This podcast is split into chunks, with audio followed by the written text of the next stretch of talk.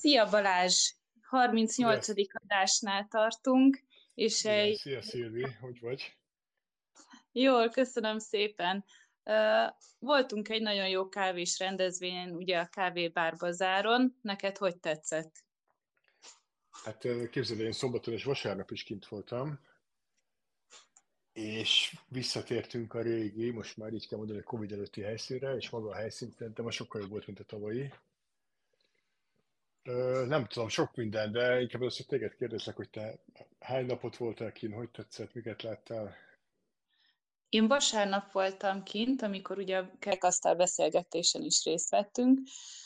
Végig mentem a standokon, és azt láttam, hogy egyrészt örültem, hogy most újból ilyen nagy, nagyobb térben került megrendezésre, azt láttam, hogy olyan is volt ki, aki már nagyon régóta nem jött ki a kávébárbazára, és tényleg itt volt a szak, szakmakrémje, ezt tudom mondani. Igen, bár aki nem volt itt ezzel, nem akarjuk minősíteni azokat, akik nem voltak itt. Így van, akik, ez is igaz. Akik de itt hogy voltak, azok jók voltak. Akik itt voltak, azok jók voltak, és, és örültem, hogy ugye vannak ugye visszatérők, újak, és akik nagyon régen nem voltak, de újból visszatértek.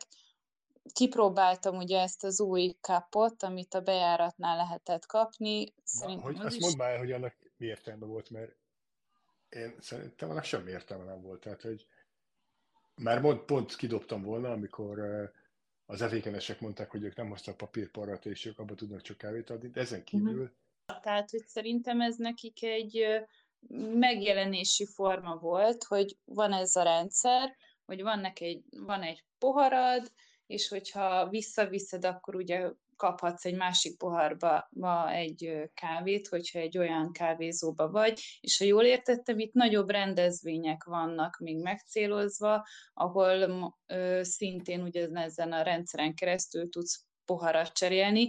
Én szerintem a kezdeményezés jó, nézzük meg, hogy hová fejlődnek. Hát én nem tudom, tehát volt múltkor ez a másik fajta pohár, ez a barna tetejű, itt van a szekrényemben, azóta sem használtam semmire, Szerintem, megmondom őszintén, ez, itt sokkal több szemetet gyártunk, mint a papírpohárát. Ez, én nem tudom, én vállalom mindenki előtt, hogy semmi értelme nem volt, semmire nem tudtam tényleg. Van hozzá valami app, amiben regisztráljak be, és valami, mit tudom én, ez egy hülyeség volt szerintem.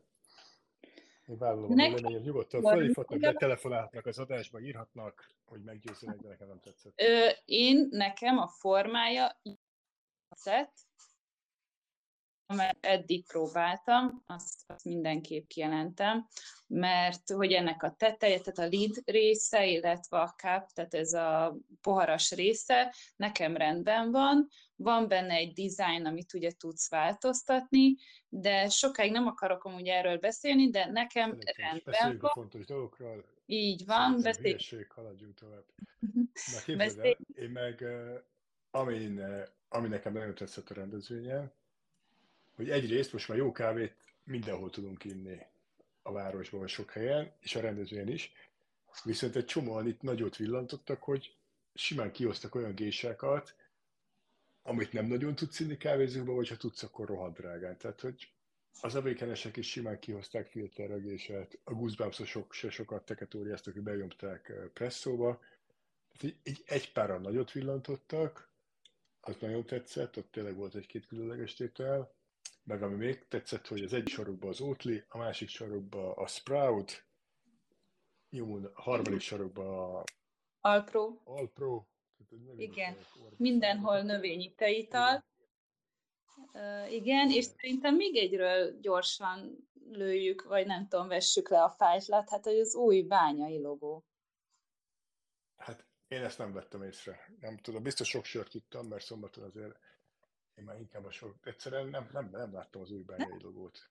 Vagy le is fog, nem Ott tudom. Volt. Megkóstoltam excellent. Aranylott, hát akkor nézd meg majd még egyszer a képeken, biztos, hogy észreveszed. Jó, jó, akkor, akkor, akkor vagy én voltam vak, vagy ők nem hangsúlyoztak eléggé, de nekem ez annyira nem jött. Várjál, itt egy fénykép. Hát, ez de béna ez a másfajta betűtípus, ilyen, ilyen klasszikus betűtípus. Ugye a fekete háttér, a bányai arany betűkkel feliratozva, és van egy, ugye... Ez? Hát figyelj, Na. nem tudom. Én szerintem majd hívjuk fel a Sanyit, hogy ez mi. Jó. Most, hogyha, ha, szerintem egy logónak azért közérthetőnek kéne lennie.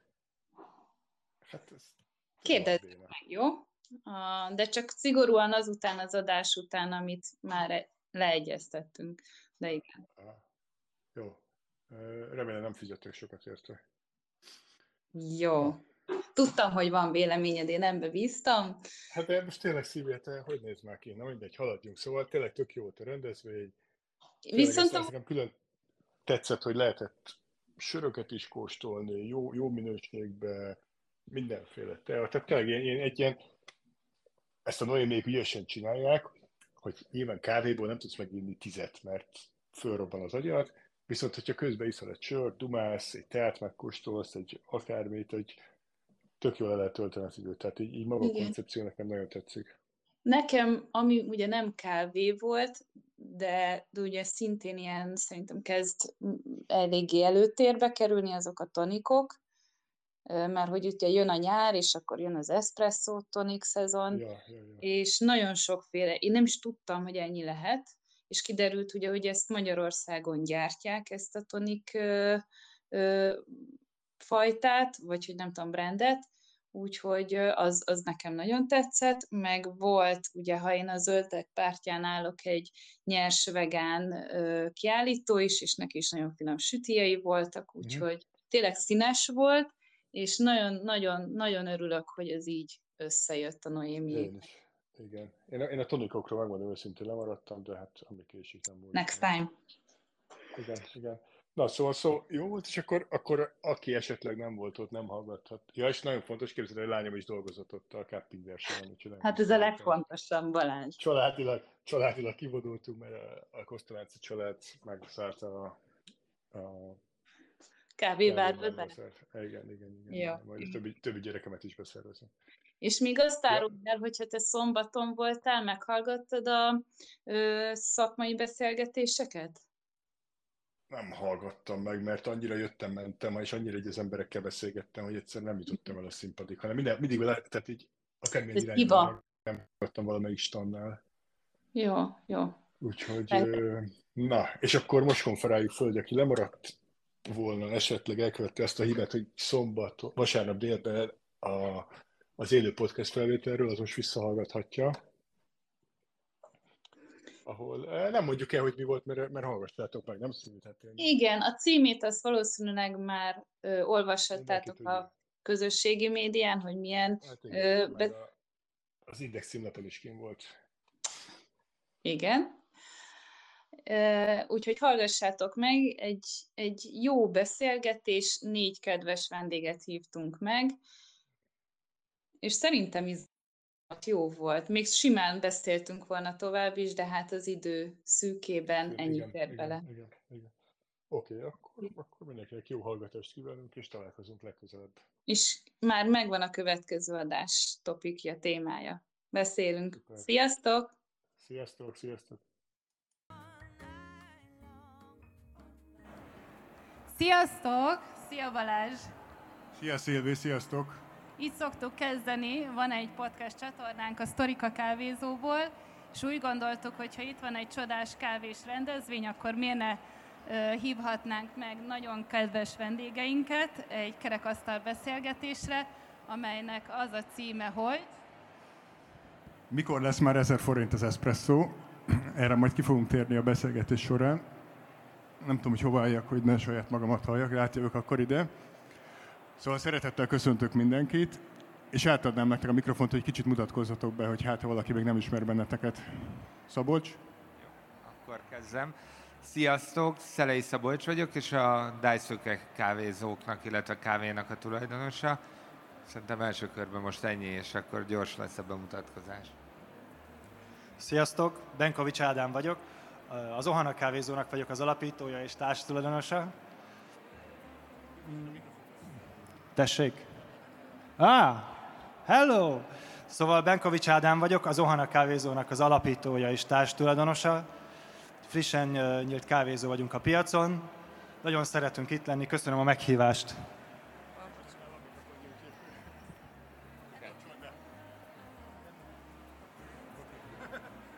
Sziasztok, én Csisztál Zsuzsi vagyok, a Goosebumps Café Lab-től érkeztem, és köszönöm szépen a meghívást.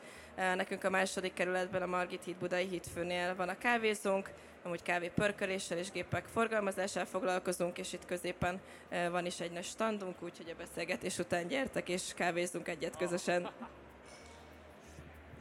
Hozzánk is gyertek kávézni. Mi itt is vagyunk, ott is vagyunk, és itt kint van egy kávézónk, és aki alléba jár oda is feltétlenül.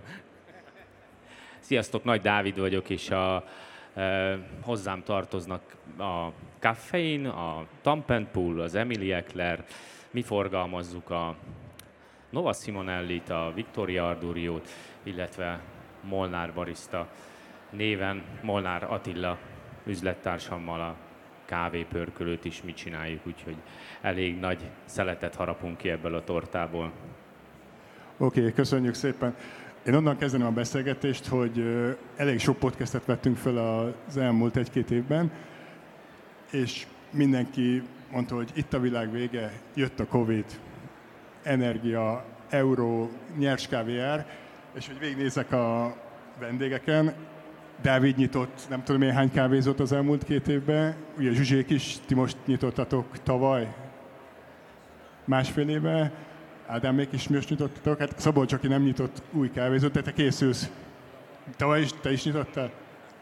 Szóval onnan indultunk két éve, hogy világvége, bezárunk, nincs ember, és közben meg nyitjátok a kávézókat, most akkor jó a helyzet, vagy rossz a helyzet? Hogy, hogy látjátok?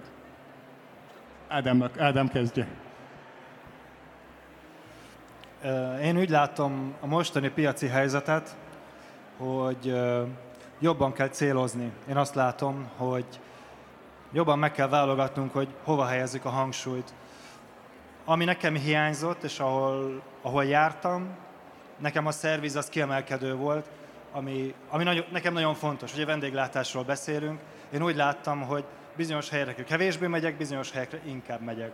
És amikor megnyitottuk a kávézót is, igazából a szerviz és a, a minőségi termékek annyira előtérbe kerültek szerintem, és azt láttam, hogy étterembe kevésbé megyek, kevésbé utazunk el, akkor legalább egy kávéra be fogunk ülni, egy sütire, gasztronómiai élvezeteket azért csak megadjuk magunknak a családommal, esik az eső, játszóház után bemegyünk enni egy sütit, meg iszunk egy kávét, úgyhogy ilyen nagyon egyszerű gondolatok mentén történt meg nálunk. Ugyanakkor láttam, hogy nagyon súlyosodik a helyzet, ugye volt ez a háborús időszak is, ott eléggé sok minden elcsúszott, de szerencsére sikerült megnyitnunk.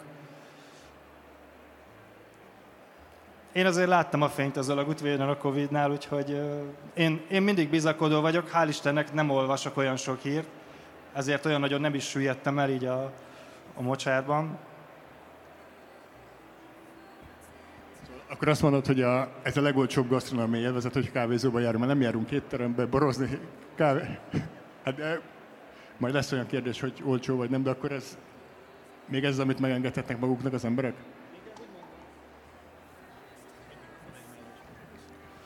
Nekem inkább úgy tűnt, hogy ha már nem tudok utazni, és nem tudok bizonyos helyekre elmenni, mert korlátozva volt, ugye, hogy nem lehet bemenni helyre, csak rendelni lehet, egy kávét azért, egy, kávé, egy kávét be tudtam menni és inni. Tehát, hogy ott vittem a kis üvegcsészémet, és akkor ott kértem egy eszpresszót, meg kaptam egy sütit. Ez volt a legelérhetőbb ilyen jó gasztronómiai megoldás számomra. Úgyhogy én, én így láttam ezt a helyzetet az én szempontomból, de nyilván nálam vannak sokkal jobban tapasztaltabb, nagyobb piaci szeletet látva. Talán ők többet tudnak erről mondani. Jó, kérdezzük meg a többieket is, hogy ők hogy látják, hogy Oké, okay, Zsuzsi? Hát abban teljesen egyetértek Ádámmal, hogy, hogy sokkal jobban kell célozni, és mi is azt látjuk most az újonnan nyíló partnereinknél, hogy sokkal jobb fókuszba helyeznek, hogy hogy alakítják ki a kávézójukat, milyen termékeket szolgálnak fel, sokkal céltudatosabban építik a, a saját brandjüket és márkájukat. Mm, nekünk arra jó volt a a Covid időszak és a lezárás, hogy így a hátteret összébb rakjuk, és, és kitaláljuk a, a, az fő irányunkat. Mi is láttuk a, a fényt az alagút végén. Nyilván meg is voltunk ijedve, hogy de akkor hogy fognak újra nyílni a helyek, és hogy találjuk meg az új partnereinket.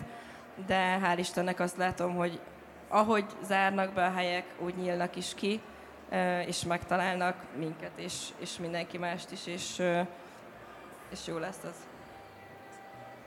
De te meg egy, egy új brandet is indítottál itt a, az elmúlt egy-két évben, két éve talán? Mm, szerintem igen, két éve, két éve indult a, az új brand. Ugye az eredeti kérdés az volt, hogy megéri-e most kávézót nyitni? Nem, vagy? nem, hanem hogy mikor elkezdtünk, két és fél éve kezdtük ezt a podcastet, talán még a Covid előtt, akkor ugye volt egy nagy hype 2019-ben, hogy dübörgött a turizmus, 2020-ban mindenki ezt, hogy itt a világ vége, és nem jött el a világ vége, úgyis tényleg nem jött el, vagy jön, vagy... De közben mindenki kávézót nyit. Hú, ez így nagyon nehéz kérdés. Igen, mindenki kávézót nyit, azért szerintem nem. Én így a több ö, ö, szegmensből látom, hogy hogy mozog a piac, mind a kávéértékesítés, mind a gépeladás, akkor illetve hogy, hogy mennyire azért a, a tavalyi év elején mindenki nagyon lelkes volt ennek. Nyilván megvan az oka, mert ugye a Covid után egy nagyon jó lehetőség volt a cégek támogatás, mindenféle támogatást kaptak, amivel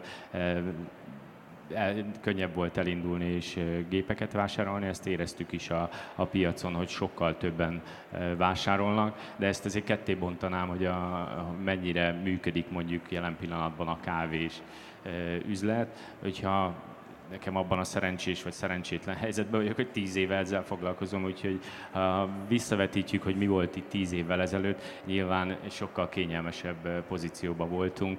Volt öt ilyen specialty kávézó, vagy kettő-három itt a piacon, és akkor teljesen más volt a forgalom, más lehetőségek voltak benne. Nyilvánvaló, hogy most elítődött a piac. Volt egy Covid, volt egy árfolyam elszállás és, és mindenféle negatív befolyásoló tényező, de azt gondolom, hogy látva ezt az elmúlt tíz éves folyamatot, hogyha ha valaki ezt túlélte, vagy esetleg most száll be, akkor az elmúlt négy évben ez most egy nagyon-nagyon pozitív Eh, időszak arra, hogy igen, nyissunk, és van, van még erre piac, és van lehetőség. Akkor most úgy látod, hogy fölfelé megy a piac?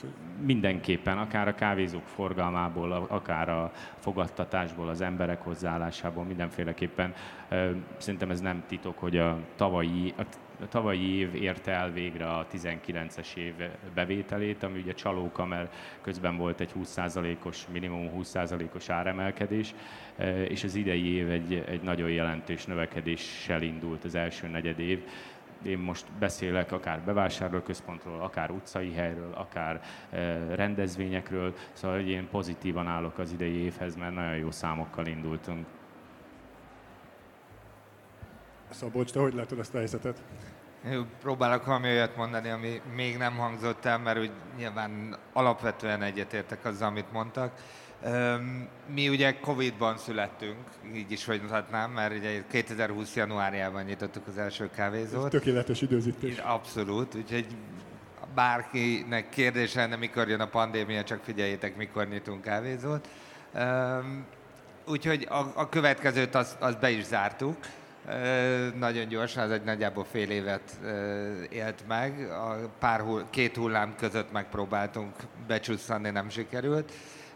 Én azt gondolom, hogy mint ez is, mint minden más pontosan a tanulási lehetőségről szól. Tehát, hogy sokkal rezisztensebbé tesz minket, sokkal inkább tanulunk és, és fejlődünk. Nyilván Dávid tíz évet csinálja, sokkal több tapasztalata van, de hogy mondjuk én, én tényleg három éve kezdtem, mindig most is máshol dolgozom, de de a vendéglátást azt szerintem tanulni kell. Az biztos, hogy, hogy magában a szerviz minőségben, a szolgáltatás minőségben szerintem nagyon-nagyon-nagyon sok fejlődési lehetőség van még Magyarországon, és nagyon sokan nyitnak kávézót, valószínűleg nagyon sokan mennek is csődbe, és én azt gondolom, hogy ez egyik oka, hogy, hogy a szolgáltatási minőséget azt még mindig nem tudjuk elég magasra helyezni, és legalábbis én azt értettem meg, hogy fontos nyilván az, hogy milyen kávét hozunk be, és fontos az, hogy van egy különleges kávésztorink, meg egy különleges minőségünk, de önmagában ezzel nem lehet egy kávézót fenntartatni.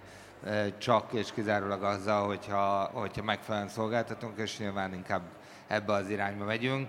Én azt gondolom, hogy minden egyes kihívás az, az segít abban, hogy jobbak legyünk és jobbá váljunk. Oké, okay, köszi szépen. Még most az árakra egy kicsit rákérdeznék, hogy azt hiszem három éve meg a Covid előtt voltunk itt, ott, ott ültünk a másik sorokba, és akkor azt mondta Dávid, hogy nem elég drága a kávét, hogy túl, túl, olcsó, túl olcsó a magyarországi kávézókban a kávé. Nem merek semmit mondani, mert ugye ebbe, ebből egy index cikk lett, hogy 1000 forint az espresso. Jót nevettem rajta, úgyhogy idén megfogadtam, nem mondok árat. De az árak meg mennek fel az égbe, hogy még mehetnek. Ti hogyan álltok meg? Csak bocs, Dávid, ez most téged érint, mert én azt látom, hogy te tényleg még az egyes kávézókban is különbözőképpen árasztok. Fú, igen, de ez csak az én hülyeségem, mert én annyira, annyira nem tudom, ez belém rögződött. Lehet, hogy azért, mert nagyon régóta csináljuk. Én emlékszem tíz évvel ezelőtt, hogyha kellett emelni, szerintem ez első négy évben nem emeltünk árat. És akkor már indokolt volt, mert, mert, mert, mert nagyon nem voltak jók az árak, mert mindenki rajtunk nevetett, azt hiszem 4,90 volt egy espresso, vagy 4,50, amikor már mindenhol 5,50 és, és így próbáltuk tartani, nem tudom, én érzelmi dolgot csináltam az elején belőle, és még most is nyilván próbáltam mondjuk egy bevásárlóközpontba előbb húztuk fel az árakat, mert hogy ott indokoltabb, magasabb bérleti díj, stb. Ezt magamban megideologizáltam, de nyilvánvaló, hogy azért körülbelül azonos áron mozgunk mindenhol. De most már nem vagy szívbajos, ha emelni kell. Nem, most már megszoktam, szóval, de, de és nyilvánvaló az is, hogy ez csak engem, vagy az emberek kevésbé lettek érzékenyebbek, és megtanultuk azt, legalább a mi közönségünk, erről múltkor is beszéltünk, hogy úgy gondolom azok, akik minket látogatnak, ez egy prémium közönség, akinek nem számít az, hogy mondjuk 100 forinttal drágább egy cappuccino, inkább kapja a, a, ugyanazt a szolgáltatást, és nem érzem, hogy érzékenyek lennének és hogy visszaesne bármelyik áremelésnél. Az a... emberek már megszoktak, nem? Tehát, hogy több... Igen, sajnos ebbe beleszoktak. Most és ez teljes... álltok az espresso? 650? 650, igen, még mindig. És mikor lesz ezer? Holnap szeretnél? Szeretnék végre egy. Nem, nem, nem, flat... nem. Én nagyon sokat iszom flat white-ot, és nekem az volt, hogy nem mikor érje át az ezret, és átlépte, és akkor 1000, 1002, 1004, tehát akkor nem volt megállás. Igen, de múltkor is ugye bekapaszkodtunk bele, hogy mennyire elszállt a káviár, ugye, és ezt próbáltam akkor is mondani, nem a káviár miatt. A káviár szerintem szinte minimálisan változott.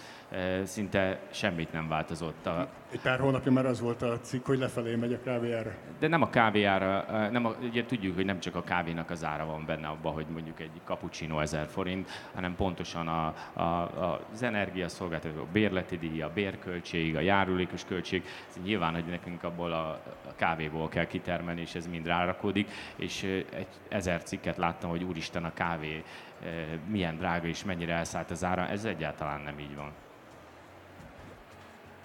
Igen, és, és pont ahogy így végignézlek benneteket, így a Szabolcsnál régen voltam, de hogy ti, nálatok pont egyik helyen se drága a kávé, ha jól, jól emlékszem. Azt tudom, hogy az Ádáméknek kifejezetten olcsó, velem még ez ilyen, vagy már emelitek ti is? Szóval így budapesti viszonylatban azért vannak jóval drágább kávézók. Nem tudom, Zsuzsi, nálatok hogy megy az árazás? Hát ezt mi megszoktuk, vagy hallottuk már vendégektől, hogy ugye, hogy, hogy ennyibe kerül egy presszó, más, hogy sokkal drágább. Sok, sok vagy keveselték? Keveselték, keveselték. Mi sem emeltünk árat nyitás óta. Ez így érik azért lassan, hogy emeljünk egy, egy kicsit, de nem fogja elérni az ezer forintot. Nem lesz ezer a presszó nálunk. Mi, mi kevesebb kávét használunk, azért tartjuk olcsón az árainkat. Nem. És gyengébb minőséget. Abszolút, csak, csak, csak a, kétszer engedjük le a kávét, mint régen. Ugye? Nem, alapvetően um, én nekem üzletpolitikai szempont, hogy az espresso, én barista vagyok, voltam, talán leszek is örökre, ö, nem?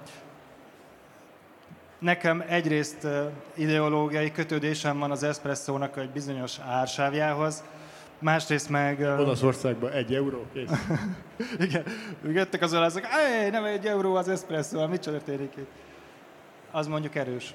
Nem nálunk 5,90 most egy szimpla, és egy picikét fogunk valószínűleg emelni, de azt is csak azért, mert már ilyen kényelmetlen ezt az árat elkérni, mert mindenhol már. Múltkor láttam 800 forintért, mondjuk ott nem innék. Akkor közelítünk az ezerhez. Ott, ott biztosan, de hogy nálunk üzletpolitikai szempont, meg presztis kérdés nekem személy szerint most, hogy az espresso, ami, a, ami az ilyen eszenciája szerintem egy kávézónak, az, az egy ilyen, nem azt mondom, hogy de elérhető áron legyen, hiszen a statisztikák azt mutatják, hogy ötödik, hatodik legtöbb eladott ital nálunk, és cappuccino, latte, flat white, amit meg így a többségében fogyasztanak az emberek. Na most megemelem 10%-kal, 15-tel az espresszót, havi szinten minimálisat emelkedik a bevétel.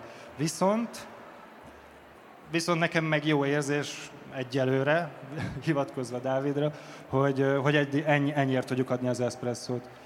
És, és szerintem én nagyon szeretem azt a kávét, amit mi készítünk a vendégeknek, és egyelőre a vendégek is szeretik, aminek nagyon örülök.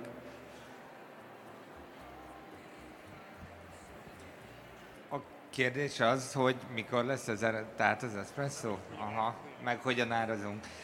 Ugye olyan szempontból nekünk könnyű, könnyebb helyzetünk volt, hogy tavaly májusban nyitottuk ugye a másik kávéz, második kávézót, és um, már valamennyire az infláció azért látszódott akkor, tehát valamennyire be tudtuk ezt építeni. AD-éknak volt még könnyebb dolguk, ugye ők már, ők már abban abszolút úgy tudtak nyitni, hogy, hogy ahhoz az árhoz valószínűleg nem kell hozzá nyúlni egy ideig. Én lehet, hogy egy kicsit inkább megfordítom. Szerintem igyekszünk majd nagyjából ezen a piacon odár a többiekhez, vagy figyeljük egymást, és nagyjából próbáljuk hasonló szinten tartani az árakat, és senki nem kilógni nagyon. Úgyhogy inkább azt kérdez, szerintem a helyes kérdés inkább az, hogy mikor lesznek a fizetések olyanok, hogy ez mindegy legyen, hogy 1000 vagy 790. Tehát én nyilván országfüggő, elég sok ország van, ahol már bőven 1000 fölött van az espresso, nem a, és ahogy mondta Dávid is, nem a, nem a kávébeszerzési ára az, ami változik. Minden egyéb tétel és minden egyéb költség, tehát ez biztos, hogy nem, nem a nyers kávé ára fogja ezt, ezt az árszintvonalat elhozni, hanem az összes egyéb költség, legyen az bérleti díj, bérek, mond, és hogyha meg úgy nézzük, hogy a saját barisztáinknak és most nyilván, ha már mondtad, hogy barista, akkor én nagyon, szíve, nagyon a szívem viselem a sorsokat, mert látom, hogy próbálunk folyamatosan emelni, tehát már három-négyszer emeltünk május óta, hogy, hogy, és még mindig azt látom, hogy, hogy ez még mindig nem, ebből nem lehet még mindig normálisan megélni. Tehát, hogyha ez kell ahhoz, hogy jól megéljenek a bariszták, akkor szerintem igen, érjük el minél előbb az ezret. Um, hát de úgy persze, hogy mindenki együtt, mert egyedül nem megyünk előre ebben a dologban. Szabolcs, viszont hozzád van egy kérdésem, ugye mondjuk azt, hogy 2000 forint egy átlagos kávézó, ha elmész, akkor annyit költesz, de miért van az, hogyha étterembe mész, akkor ott lehet 5000ért, 10.000ért vagy 20.000ért is fogyasztani, mit látsz, hogy miért, miért van az, hogy minden kávézóban ugye azonosak az árak, vagy közel tartoznak egymáshoz, de egy étteremben meg sokkal változóbb. Ezt ugye Balázs... Ez nagyon jó kérdés, meg kiegészíteném, hogy látok próbálkozásokat, hogy ilyen exkluzív tételeket drágál, tehát hogy most tényleg hülye hangzik, nem tudok sokat költeni, nem, nem tudok egy exkluzív dolgot venni, vagy nagyon kevés kávézót csinálja azt, hogy nem gondolkodtak ebbe az irányba, hogy talán Ádáméknál volt vagy egy különlegesebb Norbi tétel, Váradi Tibi próbálkozik, hogy ebbe az irányba miért nem mozdultok, hogy most ez egy 5000 forintos espresszó, mert ez olyan. Vagy, vagy kezdjem? Jó, um, egyrészt az, a kávé az egy commodity kategória, amit nem tudom, magyarul nincsen erre jó szó, a, bár biztos van, csak én nem ismerem. Um, tehát hogy mondjam, ez egy olyan kategória, ahol nem nagyon differenciálnak úgy alapvetően az emberek, és most itt nyilván a nagy többségről beszélek, és pont emiatt az árban sem várnak el túl nagy differenciálást, nem is hajlandóak megfizetni. A szemes kávé az már más. Szemes kávéban egyébként nyilván ott, ott, ott hatalmas a szórás, és ott, ott már van ugyanaz a választék, vagy ugyanaz a sok különböző árszínvonal, amit mondjuk egy étteremnél említettél. Egyébként mi próbálkoztunk egy panamai gésával, illetve egy Kolumbiából egy Bourbon Amarillo-val, amik mind a kettő 90 pont fölötti kávé, és a beszerzési ára, mire ideért Magyarországra pörkölve nagyjából egy ilyen 50 ezer forint per kiló, és próbálkoztunk ezzel filter kávékban, hetente egy három darabot eladtunk belőle, dupláron, és nyilvánvalóan a... a Nem volt jó a marketing. Igen, tehát valószínűleg nyilván erre is sokkal többet kellene költeni. Tehát én azt gondolom, hogy nagyon szűk az a réteg, akit ez igazán megfog, és érzi a különbséget. Tehát azért nagyon sokszor van az a kávénál, hogy persze mi tudjuk, hogy az hány pontos, és mit kellene érezni, de hogy nagyon-nagyon kevés ember van, aki ezt valóban kiérzi ezt a különbséget. Nyilván az itt ülők amúgy is mindig kivételek, de természetesen azért is vagytok itt, mert titeket érdekel, de hogyha a tömegről beszélünk, hogyha a vevőkörünk 98%-áról, akkor ezeket a nüanszokat nem fogja kiérzni, és ezért nem fog dupla annyit fizetni, vagy pláne nem tripla annyit. Hát,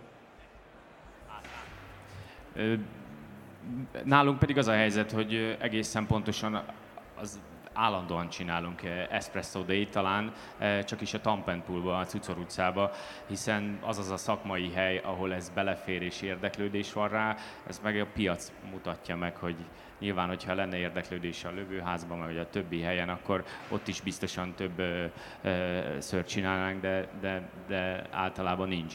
A Cucor utcában ott állandó jelleggel szerintem majdnem hetente van espresso de és egy különlegesebb tételt berakunk, akár drágában, illetve ugye mi úgy dolgozunk, azt hiszem ti is, vagy nem tudom, vagy igen.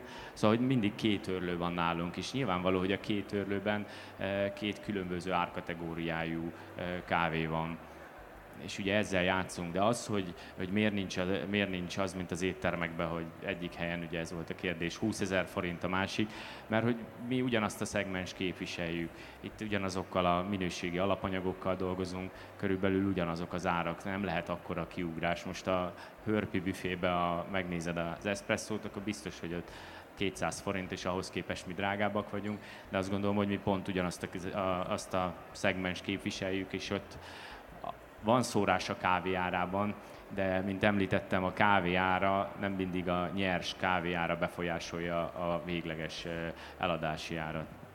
Ádám, neked mi a tapasztalati? Per Norbitól hoztatok különlegesebb tételeket, ha jól emlékszem. Volt igen, egy skand, Per Norbi kaferében egy skandináv pörkölő. Neki volt kettő, egy szimplán, meg egy duplán fermentált kávé is egymás után. Milyen szempontból én, én megszállott vagyok, ilyen, ilyen újdonság junkie, hogy mindig kell valami új kávé, amitől az agyam egy kicsit rezeg, illetve szeretnénk Szerintem ezt tudjuk is a kávézóban reprezentálni a vendégeknek is, hogy úristen, gyere, ezt kóstol, meg egy nagyon jó cucc. Illetve ugye az Ohana kávézó, az Ohana kifejezés azt jelenti, hogy család, ez egy havai kifejezés. Um, alapvetően nekünk ugye a család, a kávés család a fókusz, és ezért nekünk hál' Istennek most meg is érkezett a Hawaii, Hawaii tételünk, amit majd szeretnénk berakni egy örlőbe, és szeretnénk, hát ez jóval ezer forint fölött lesz, úgy vélem ennek az ára. Végre. A presszó? Igen. Filteren megkóstoltuk, ott nem, nem az az erőssége szerintem. De lehet, hogy megnézzük ott is. Egyelőre ott nem annyira érdekes. Talán meg azért is, mert az espresso többen fogyasztják vagy hát az espresso alapú italokat, és talán ott sokkal több ember el tudunk érni ezzel a fantasztikus kávéval.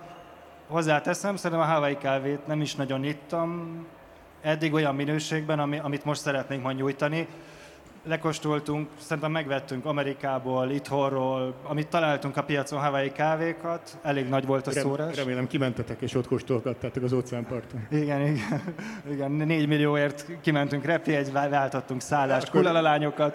Akkor 5000 lesz ez a press igen. Igen. Ja, beleépítettük a repjegyünket is az árába. Nem, egy zsákkal vettünk, ez 45 kiló, elég húzós, Ugye Hawaiian nagyon-nagyon kevés kávéterem, nagyon föllövik az árát, különlegesség, főként szerintem azért kerül ennyibe, mert kevés van belőle. Kicsit olyan, a gyémánt, bár... Igen. Jó, ne esünk túlzásba. Igen, ez egy exkluzív kávé, annyira, mint a gyémánt. Kíváncsi vagyok majd, hogy hogy fog ízleni a vendégeknek, meg nekünk is. Gyémánt kicsit Most... olcsóbb. Tessék? Gyémánt kicsit olcsóbb. Igen, hát igen, gramra leszámolt. És mikor, mikor lesz ez a kávé elérhető? Hát most még pihen, én szerintem még... Elfáradt. Meg, egy, amikor elfáradt. Egy-két hét múlva tervezzük berakni ilyen titkosba az őrlőbe, hogy aki bejön és meglepődik, hogy van, utána meg szeretnénk rá felépíteni ilyen kisebb marketinget, hogy Hawaii kávé, milyen kávé, mit tud, miért ezt raktuk be, miért hoztuk ide, miért jó ez, vagy miért nem, stb. Mi alapvetően egyébként nem is a, a pontozásra mennénk rá, meg az ízjegyekre, meg ilyesmire, hanem arra, hogy ez egy tök jó élmény, nem nagyon ivott még talán nem azt mondom, hogy senki, mert hozzánk, én nem viccelek, napszámba jönnek be az emberek, mutogatják a Hawaii jogsiukat, hogy hol van a Hawaii kávé, hogy adjak én neki Hawaii kávét, ez egy Hawaii kávézó. Mondtam, hogy uh, igen, uh, és hogy a gyereke Hawaiion tanul, és hogy neki kell Hawaii kávé. Mondtam, hogy lesz, hál' Istennek megérkezett, egyébként másfél évet vártunk erre az egy zsák kávéra, úgyhogy ez a Hawaii az nagyon lazán tolták ezt a szállítást. Na, úgyhogy igen, remélem egy-két hét múlva mindenkinek elérhető lesz már ez a Hawaii kávé, ez egy különleges tétel.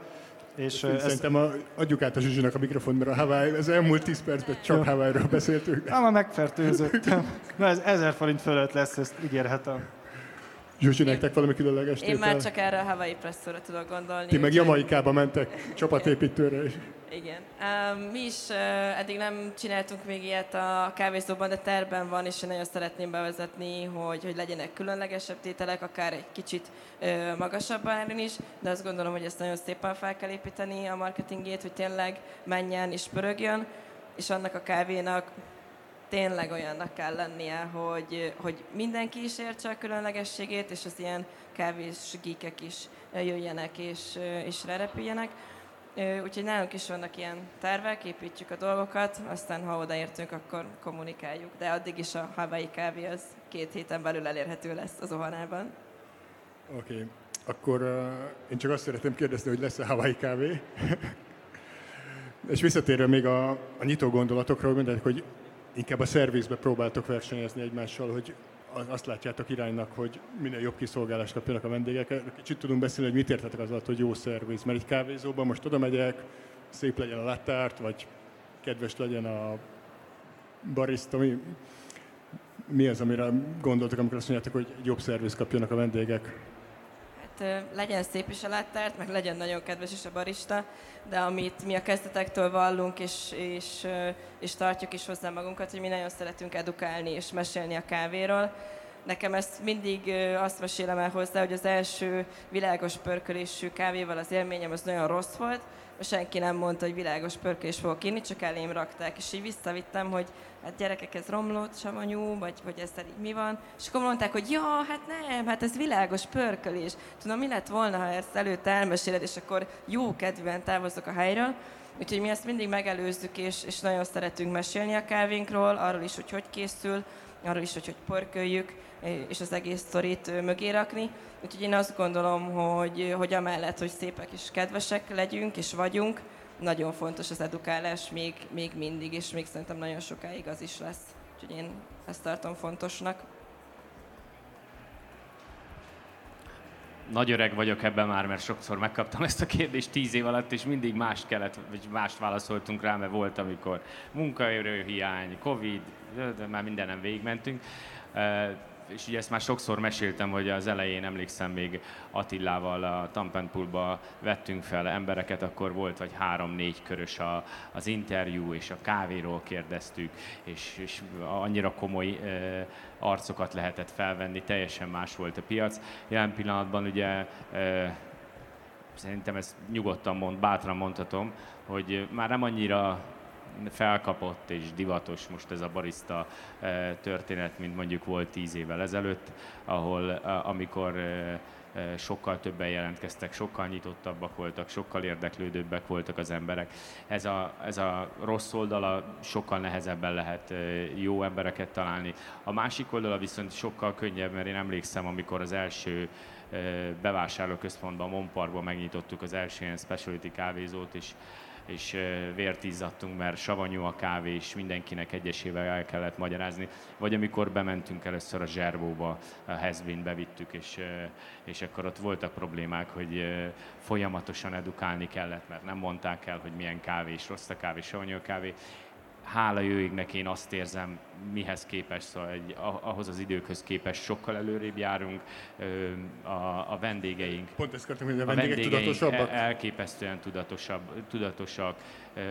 Nyilvánvaló szerencsés helyzetben vagyok, olyan helyekről beszélek, amik 7 éve vannak nyitva, szóval ha bejönnek hozzánk, akkor nem lepődnek meg, hogy mit kapnak, mert ezt várják. A szakma is, és a kávé is nagyon sokat változott. Emlékszem még, amikor az volt az igazi, amikor jó Kenya, egy jó etióp, savtenger, sokkal komplexebb ízvilág lett, mindenki rájött, hogy azért ez másképp működik, minőségi alapanyagok, komplexebb ízvilág, sokkal értelmezhetőbb a vendégek számára is, kevesebb edukációt igényel, szóval ha most azt nézzük, hogy mondjuk tíz évvel ezelőtt leraktam egy csésze eszpresszót valaki elé, és most lerakok, sokkal jobban megértik, de sokkal értelmezhetőbb is az a, az a kávé, mint tíz évvel ezelőtt volt, akkor az volt a divat, hogy csináljunk saftengert, mert az a specialty kávé, inkább pörköljük alul, vagy bármi csak csípjen és sav legyen. Most pedig gyönyörű ízek vannak, és, és tényleg olyan értelmezhető kávék, amik nyilvánvaló nagyon fontos az, hogy legyen edukáció is, átadjuk azt, hogy itt valami különlegességet kap, de, de nagyon sokat változott a piac. És még a vendégekre visszatérve, hogy ez mindenkihez szól az a kérdés, hogy a vendégek megmerik mondani, hogyha valami nem, nem jó, nem ízlik, nem ezt kérte, hideg, meleg. Nyilvánvaló, hát persze, de hát ez, ez mindig is így volt, csak most most már úgy gondolom, hogy sokkal tudatosabb bejönnek és megkérdezik, hogy milyen kávék vannak az őrlőben. Viágos pörkölés. Nyilván régen az volt, hogy olasz kávé van.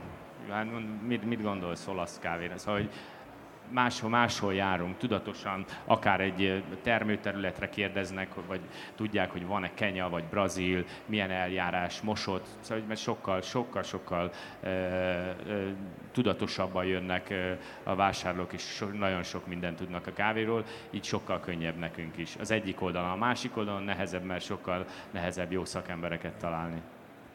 Ádám, ahogy láttam, nálatok általában három barista van a pultban, de kettő biztos. Hát ha ebédidőben jössz, akkor három, akkor váltjuk egymást. Aha. De, de Ket, ketten vagyunk több, fixen. A többi kávézóhoz képest hogy eléggé fel vagytok staffolva. Igen. Ez, ez is a szerviz, tudatos szerviznek a része, hogy... Igen. Nekem, ö, én mindkét oldalon voltam, vagyok, és nekem, nekünk, szerintem ezt mondhatom a csapat nevében, nekünk a vendéglátás azt jelenti, hogy figyelünk a vendégre, és alapvetően a kérdések, amiket már föltesz, ezt megelőzzük. Nyilván szerintem ez odafigyelés. Maga a vendéglátás nekem arról szól, hogy, hogy egy kis figyelmet adunk a vendégnek, amellett, hogy megiszik egy jó kávét. Te azért már régebb óta ismersz engem. Én a vendégeimet alapból valahogy úgy kezelem már, mintha törzs vendégek lennének. És hogy ezt ők szeretik, de nálunk a, a csapat nagy része az ilyen. És ha bejön valaki, akkor így, így néz ránk, hogy minek örülünk, mit mosolygunk rá, ö, amúgy nyitva vagyunk, vagy bulizunk, vagy mi van. Szóval, hogy ö, mi nagyon jó hangulatot szeretnénk teremteni. Nyilván ez egy kávézónál, egy erős csapatnál könnyű, hogyha több kávézónk lenne, mint mondjuk Dávidéknek vagy Szabolcséknak, ott, ott szerintem fel lenne adva a lecke, mert pont ez egy nagy probléma lenne, hogy még egy kávézót nyitnánk, akkor honnan szereznénk még ilyen staffot, ennyire elhivatott, vidám embereket így könnyű, hogy én is ott vagyok velük, ben vagyunk a pultba, együtt menjünk előre, és a vendégekre tudunk tök jól figyelni. És mi az edukációt annyira nem tartjuk ilyen szempontból fontosnak. Inkább a jó hangulat, buli. Ja, jó a kávé, jó a buli, nem? Hava, igen, lesz Hawaii kávé is, hulalá. Nekem, a, nekem a hangulat elsődleges. Én régen értékesítő voltam, és ott megtanultam, hogy, hogy a, a kommunikáció és a figyelem mennyivel fontosabb, mint, mint maga a szakmai része, de a szakmai része annak 150%-nak kell lenni. Tehát itt is, hogyha esetleg valaki belekérdez, arra tudjunk felkészülten válaszolni. Vannak nálunk is világosabb kávék, vannak nálunk is komplex kávék, de alapvetően nekem az egyik elsődleges, hogy a vendég jobban érezze magát, amikor kimegy az ajtón, mint ahogy bejött. Ez nálunk egy ilyen principium, és mi ementén haladunk, és erre építjük rá azt, hogy milyen kávé, milyen örlő, milyen kávégép, milyen pit, hány fog, stb. Nekünk, nekünk ez, ez a szemléletmódunk nekem, és egyelőre úgy tűnik, hogy a vendégek ezt szeretik, szeretnek hozzánk járni, mert mert most még vidámak vagyunk. Szerintem így is marad. Úgyhogy nekünk, nekünk mi ezt lőttük be célnak, és nekem ezt jelenti a vendéglátás. És én olyan helyekre nem is járok, ahol hiába a barista, nem tudom, tudja mi a kromoszómája az arabikának, de nem mosolyog rám 5 percen keresztül. Tehát, hogy ne, ne, nekem nem. Tudom, hogy valakinek ez simán oké, okay, de nekem nem. Szabocs, nálatok mi a szerviznek a lényege? Mire, mire helyezed a fókuszt? Mm, Azon kívül, hogy nálatok eleve a kávézónak van egy ilyen sajátságos atmoszférája.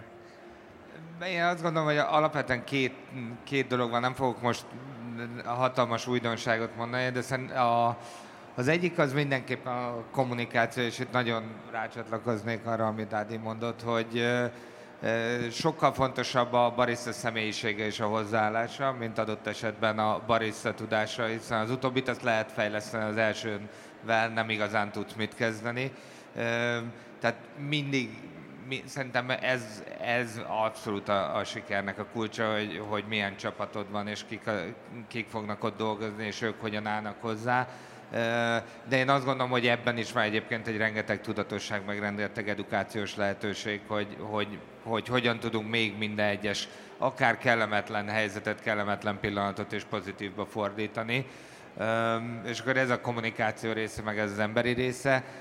A másik, az, az edukációs vonalban, én azt gondolom, hogy szerintem azért mindannyiunknak van, és nyilván Ádi is csak viccelt, azért ők is edukálnak, ha kell, de hogy mindannyiunknak van egy felelőssége az edukációban. A mi felelősségünk különösen az, hogy, hogy ugye mi direktben kereskedünk, mi ugyanazzal az öt farmerrel dolgozunk, ugyanazzal a 12 farmmal, amit ők, ők művelnek, és ez most már negyedik éve.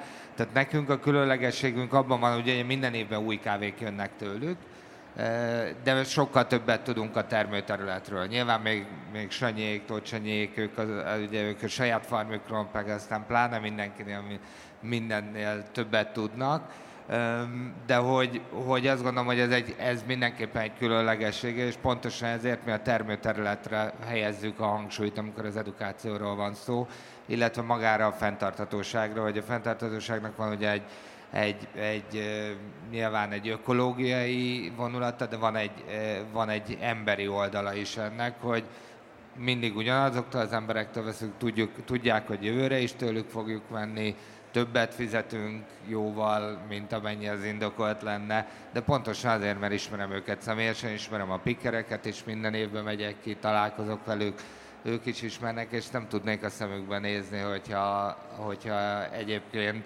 mint amit megbeszéltünk, hogy az espresso árát úgyse a nyers kávé ára felsolja, hogyha nem fizetnénk meg azt, és ő azért kevesebbet kapna. És én azt gondolom, hogy ez érdekli az embereket, és ezért is jönnek vissza.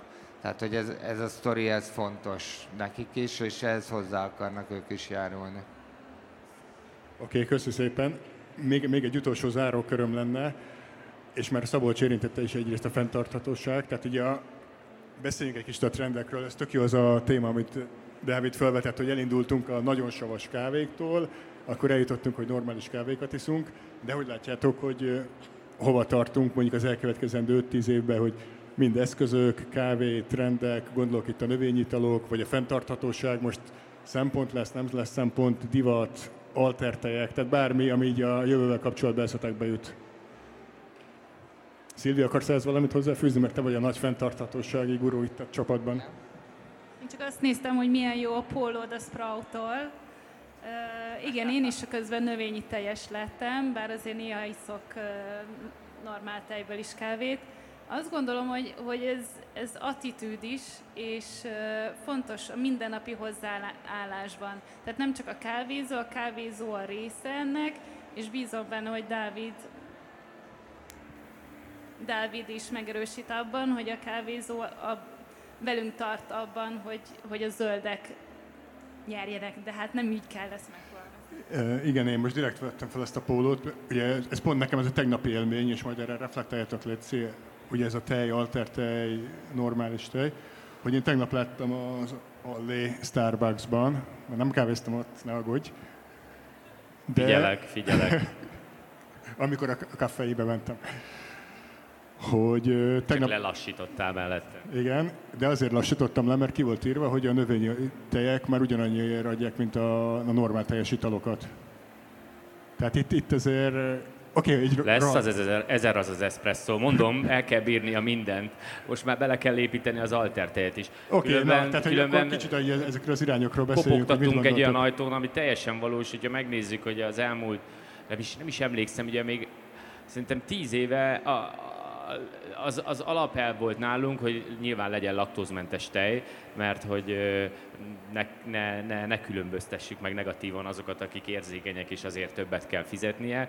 Úgyhogy nálunk nem is tudom, nem tudom, hogy máshogy hogy van, hol, hogy van, de a laktózmentes teljes soha nem kértünk pénzt.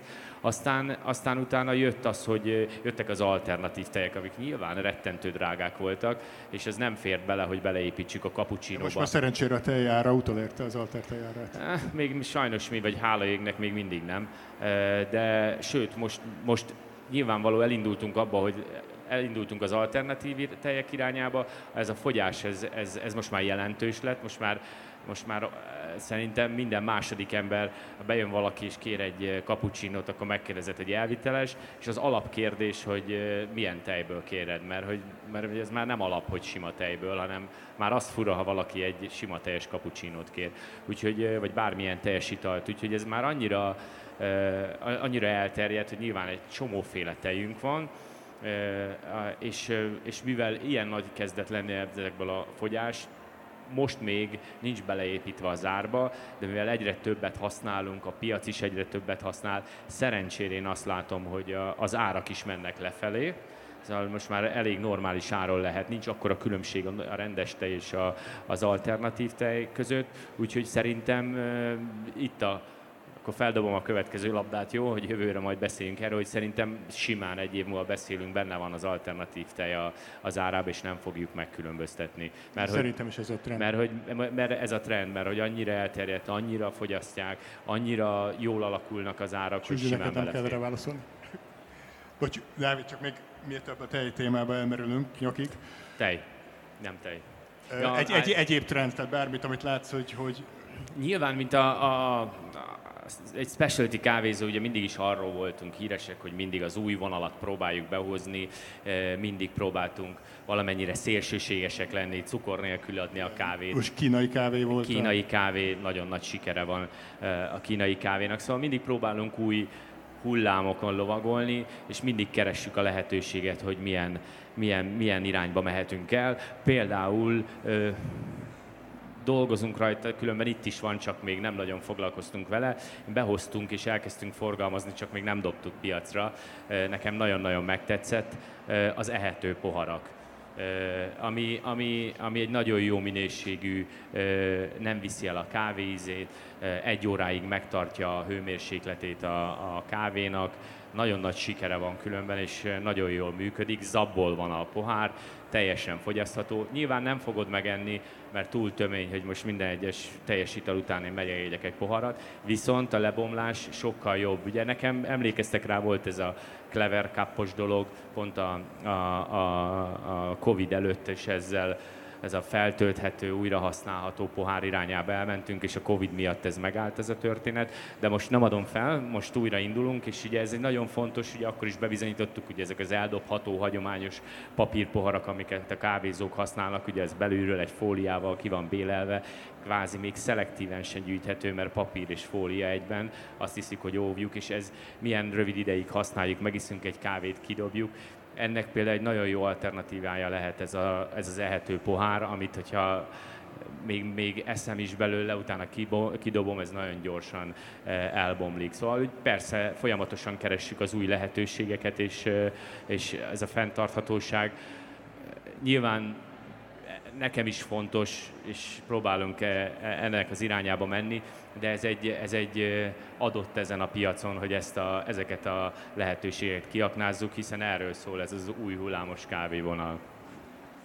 Zsuzsi, akkor ugye rólatok annyit kell tudni, hogy ti csak és kizárólag Ótlival dolgoztok, tehát nálatok ez a kérdés nem merül fel, hogy milyen tej. Igen, mi vegán kávézóként üzemelünk. És ezt csak annyit, hogy ezt hogy fogadják a, a vendégek, akik először szembesülnek ezzel? Szerintem nagyon jól.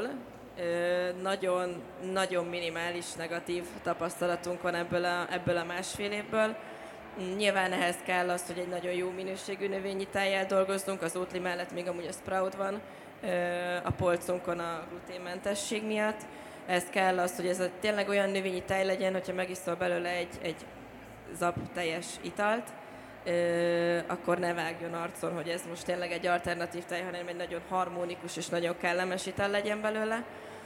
Úgyhogy mi ezzel próbálunk a fenntarthatóságra törekedni, amiből még szerencsések vagyunk, hogy mi ugye egy irodaház aljában üzemelünk, és az irodaház nagyon jó törekvéseket mutat arra, és, és folyamatosan azon vannak, hogy minél fenntarthatóbbak, minél zöldebbek legyenek, mit tudnak még ezért csinálni. Úgyhogy ebben ők teljesen jó partnerek. És ugye még rólatok annyit kell tudni, a modbár forgalmazzátok, ami önmagában egy elég jövőbe mutató igen. Hát ezt most már nem jövőben mutatom, mert ez a jelen, de ott látsz valami fejlődést, hogy ott bármi Én... eszköz téren valami újdonság? Én azt gondolom, Vagy otthoni hogy... modbár? Hát az nagyon jó lenne, azt nagyon sokan várják.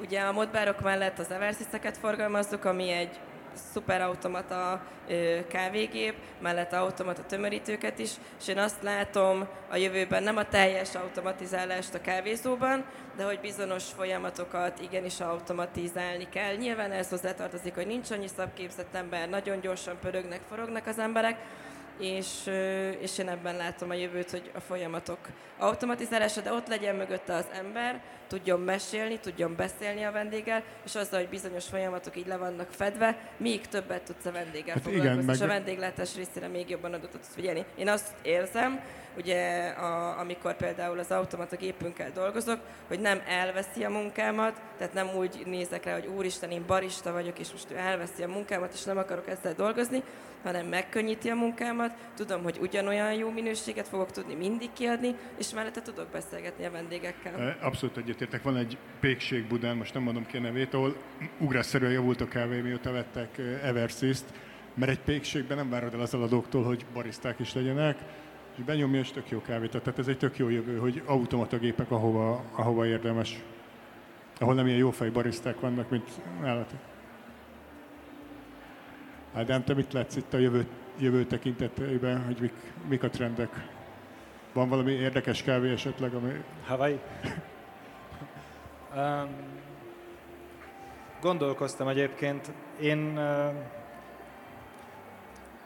pont tegnap előtt gondolkoztam ezen, hogy lehet, hogy a tehénte egyébként szépen lassan ki fog szorulni. Egyrészt azért, mert talán globálisan is uh, én remélem, hogy az emberek talán jobban látják majd, hogy persze tudom, szignifikáns különbség van a növényi teljes, meg a teljes italok között. Én már nem iszom tejet, én is, hogyha megkóstolom, megkóstolom a kávét tejjel, hogy tudjam, hogy mi mit mutat úgy, de alapvetően én, én már nem iszom tejet, nem, nem is tudom már hány éve. Nálad mik az arányok a kávézóban a növényi versus tehén tej között? Én, én azt számoltam, hogy most már több növényi teljes ital megy el, mint teljes ital. Ami jó, mondjuk itt, itt, azért egy dologra felhívom a figyelmet, hogy azért a Budapest belvárosa az még nem a világ, tehát hogy nem, sőt, itt nagyon sokat, én szerintem így beszélünk így a kávézásról, meg ilyesmi, de ez így nyilván nem, nem, nem a teljes kép az ország. Tehát tudjuk, hogy van Budapest, meg van a többi város, meg a többi szegmens, ami eléggé távol van egymástól. Meg ha levinném nem tudom milyen kis településre az Ótlit, akkor így... én, én, én nagyon-nagyon szeretem az Ótlit, mi nagyon szeretnénk törekedni arra, hogy egyre több növényital van. Pont az Ótlival múltkor volt egy ilyen kezdeményezés, hogy megpróbáltuk a, a teljes italt fogyasztó vendégeknek lecserélni ótlira az italát, cserébe azt ajándékba kapta, plusz kapott egy ótlit. Nyilván lefizettük, hogy ótlit igyon, így kvázi, de na, azóta nagyon sok vendég van, aki már nem tejjel iszza kávét, hanem ótlival. És ez, és ez olyan, olyan jó szembetűnő, nem is tudom, hogy mondjam ezt, de egy, tök jó, hogy így elengedték az emberek a tehéntejet, és rájöttek, hogy igazából tök jó, hogy ez a növényi tejjel is és van, hogy finomabb egyébként a kávé. Tehát, hogy olyan, egy folyékony Kinder Bueno, ha valaki evett már Kinder Bueno. És ahogy Dávid mondta, én is azt látom, hogy ez el fog kezdeni így belesimulni az ital árába, mert most, most egy ótli majdnem annyiba kerül, mint egy tehéntej. Sőt, pont most néztem, hogy biotej 1000 forint a spárba, az ótli már majdnem, hogy olcsóbb. Szóval, hogy így Mondjuk ezt köszönhetjük a, na mindegy, hagyjuk, az árstopnak, szerintem. Úgyhogy... Uh, Akkor azt gondolod, hogy az Oatley-ra is kéne árstop? Igen, Proudra. Én szerintem el fog csolódni a növényitalok felé, és el fog tolódni, a papír poharakat elhagyjuk, egyre, több, egyre zöldebb lesz szerintem a kávézó. Lehet, hogy jönni fognak olyan pályázatok, hogy kávézók, vagy üzletágak zöldítése. Én, én ezeket az irányokat látom, de nyilván ez, ez egy sokkal közösségi megmozdulásnak kell lenni, hogy az embereknek igényének kell lenni arra, meg hogy, hogy ne csak papírpoharat, mert nagyon sok embernek nyilván az élet viteléből fakadóan mindig magánál hordni, hogy elviteles poharat, nem, nem, nem, nem mindig működik. És akkor ezért vannak az elviteles porak, és akkor az elviteles porokat kéne lecserélni valami talán jobbra, de nagyon nehéz, tehát vannak a tényleg komposztálható porak, háromszor annyiba kerül, mint egy sima elviteles pohár. Azt meg nehéz kitermelni, pláne, hogyha sok az elviteles tétel. Itt jön megint az ezeres espresso. Ja, nem is eszközök terén, vagy ízlés terén bármit látsz, hogy valamerre tolódik itt a én, én, azt látom egyébként, amit korábban említettünk, hogy már a, a savasabb kávék kevésbé trendik, a, inkább a kerekebb, komplexebb kávék most talán jobban kelendőbbek. A fogyasztók szerintem formálták a piacot, én, én ezt így a pultban ezt érzem, és látom, technológiában lehet, hogy megyünk az automatizálás fele. Nálunk is a gép ugye egy gombák van nyomva, be van állítva a teljes receptúra. Szóval, hogy ott is, ahogy Zsuzsi mondta, többet tudunk foglalkozni a vendéggel, és végül is a vendéglátásról szól az egész, és hogy hát meg aztán lehet, hogy lesz nyomtatott kávé, ugye, fenntarthatóan. Mm, én egyelőre egyébként nem nagyon tudok távolra látni, mert most ugye a kávézó működése az nekünk nagyon leköt sok mindent. Remélem tudunk utána már fejlesztésekre fordítani figyelmet, meg arra, hogy, hogy hogyan, miben legyünk mi is zöldebbek, meg fenntarthatóbbak. Szabolcs, te már érintetted itt a farmerek kapcsán ezt a fenntarthatóságot? Igen, én azért alapvetően azt gondolom, hogy a, a tapasztalat az mégiscsak az, hogy, hogy többet nem annyira hajlandóak az emberek fizetni érte, de hogyha ugyanazon az áron van egy fenntarthatóbb alternatíva, akkor mindenképpen amellett döntenek. Illetve a vállalatok azok pedig azok, akiknek nincsen alternatívájuk, nekik muszáj belépíteni a stratégiájukba, ugye az ESG stratégiájukba a fenntarthatóságot. Tehát én azt gondolom, hogy a vállalatokon keresztül is mondjuk, hogy egy irodai kávét hogyan állítunk elő, honnan származik, milyen és, és nyilván itt mondjuk a kapszuláknak a visszaszorulása az, az például egy fenntartatósági irányt jelentene kérdés, hogy, hogy ez mennyire fog megvalósulni, én azt gondolom, hogy azért ebben lesz előre mozdulás. Érdekes volt egyébként hallgatni, hogy ugye jövőről beszélünk, és hogy a tej, de hát Magyarország, ugye, mert ez egy nagyon magyar specifikus. Én mondjuk laktózérzékeny vagyok, úgyhogy én, én mindig, tehát elég régóta növényi tejet iszom. De hogy tényleg itt van az, hogy 10-ből 8-9 ember teljesen issza és ezért kell ennyit beszélni. Albániába elmész, ott mondjuk 10-ből 9 és fél az tisztán iszza az eszpresszót, de egyébként meg a specialty országokban, ahol specialty kávékultúra az erős, azért az mindenhol filterország. És ugye egyáltalán a világ nagy része az inkább filter. Én azt gondolom, hogy filterben sokkal jobban megmutatkoznak a kávék közötti különbségek, Nyilván a, azért, mert nincs, meg, nincs, tehát hogy pont a savak visszafogottsága miatt egyébként sokkal jobban érezni az aromákat, ízeket, és én, én azért úgy várnám ezt. Tehát, hogy nagyon lassú, de azért azt érzem, hogy, hogy van egy pici növekedés filterben, és én ezt várnám, hogy hosszú távon um, a, a filter az, az erősödni fog, és egyre több igény lesz rá. Um, és mondjuk nyilván ebbe a be, olyannyira, hogy, hogy ugye most a, a Victoria Ardurio csinált egy gépet, a Mavericket, ami ugye az espresso géppel tudsz filtert készíteni. Nem tudom, hogy a tavalyi kiállításon az a gép volt itt, és most már van a piacon, egy párat eladtunk, és használják, ugyanis egy gombnyomásra ugyanúgy tudsz készíteni egy filter kávét, ahogy egy espresszót és most, most októberben több gépre be fogják ugyanezt a technológiát pakolni, sokkal könnyebb elér, könnyebben elérhető, úgyhogy úgy látszik, hogy sokkal nyitottabb erre a piac, és erre reagál a, a Victoria Ardurio és, és a kávégép forgalmazók is. Ugyanúgy, hogy a Gravitekkel próbált ugye, új dolgot csinálni, szerintem ez is egy olyan, amivel lehet, hogy a többi forgalmazónál is, a gépnél is meg fog jelenni. Most ne, egyre nehezebb helyzetben, hogy júniusban nyitjuk ugye a délinél a harmadik kávézót, és most már van egy modbár ajánlat, és van egy Victorine Arduino is. Igen, mindenféleképpen üljünk le. Gondoltam, gondoltam.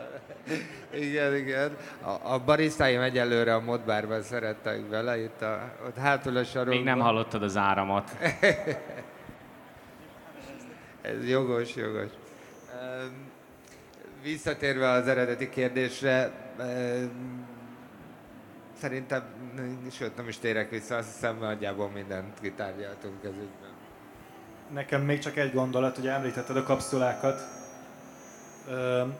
Mi szerettünk valami kapszulát készíteni, és hogy az alumínium az probléma volt pont itt, és az az ötletünk támad, hogy találtunk is egy tök jó partnert, és teljesen komposztálható a kapszula, mi most ennek az irányába mentünk el, háromféle ízzel, teljesen, tehát hat hónap alatt, így eldobod a kertbe, és így komposzt, egy biomasszából van a kapszula. Itt mutatja a tanult kollégának is lehet kóstolni ott valahol. e, nyilván nem az alumínium kapszulába versenyez, kicsit másabb az egész, de, de tök jó, és, és a, a vendégeink viszik, és, és én örülök egyébként, hogy, hogy a kapszulás piacra mi úgy tudtunk beszállni, hogy, hogy egy, egy környezetbarát megoldással, mert amikor otthon még a kolonnánál volt előfizetésem, és így dobáltam ki az alumíniumot, akkor így fogtam a fejemet, hogy a gyerekeim, Ö, és, hogy, és hogy szerintem ez is egy ilyen irány, hogy, hogy az ilyen nagyon tömegtermékekből át tudjunk állni egy olyan fenntartható irányba, ami meg komposztálható.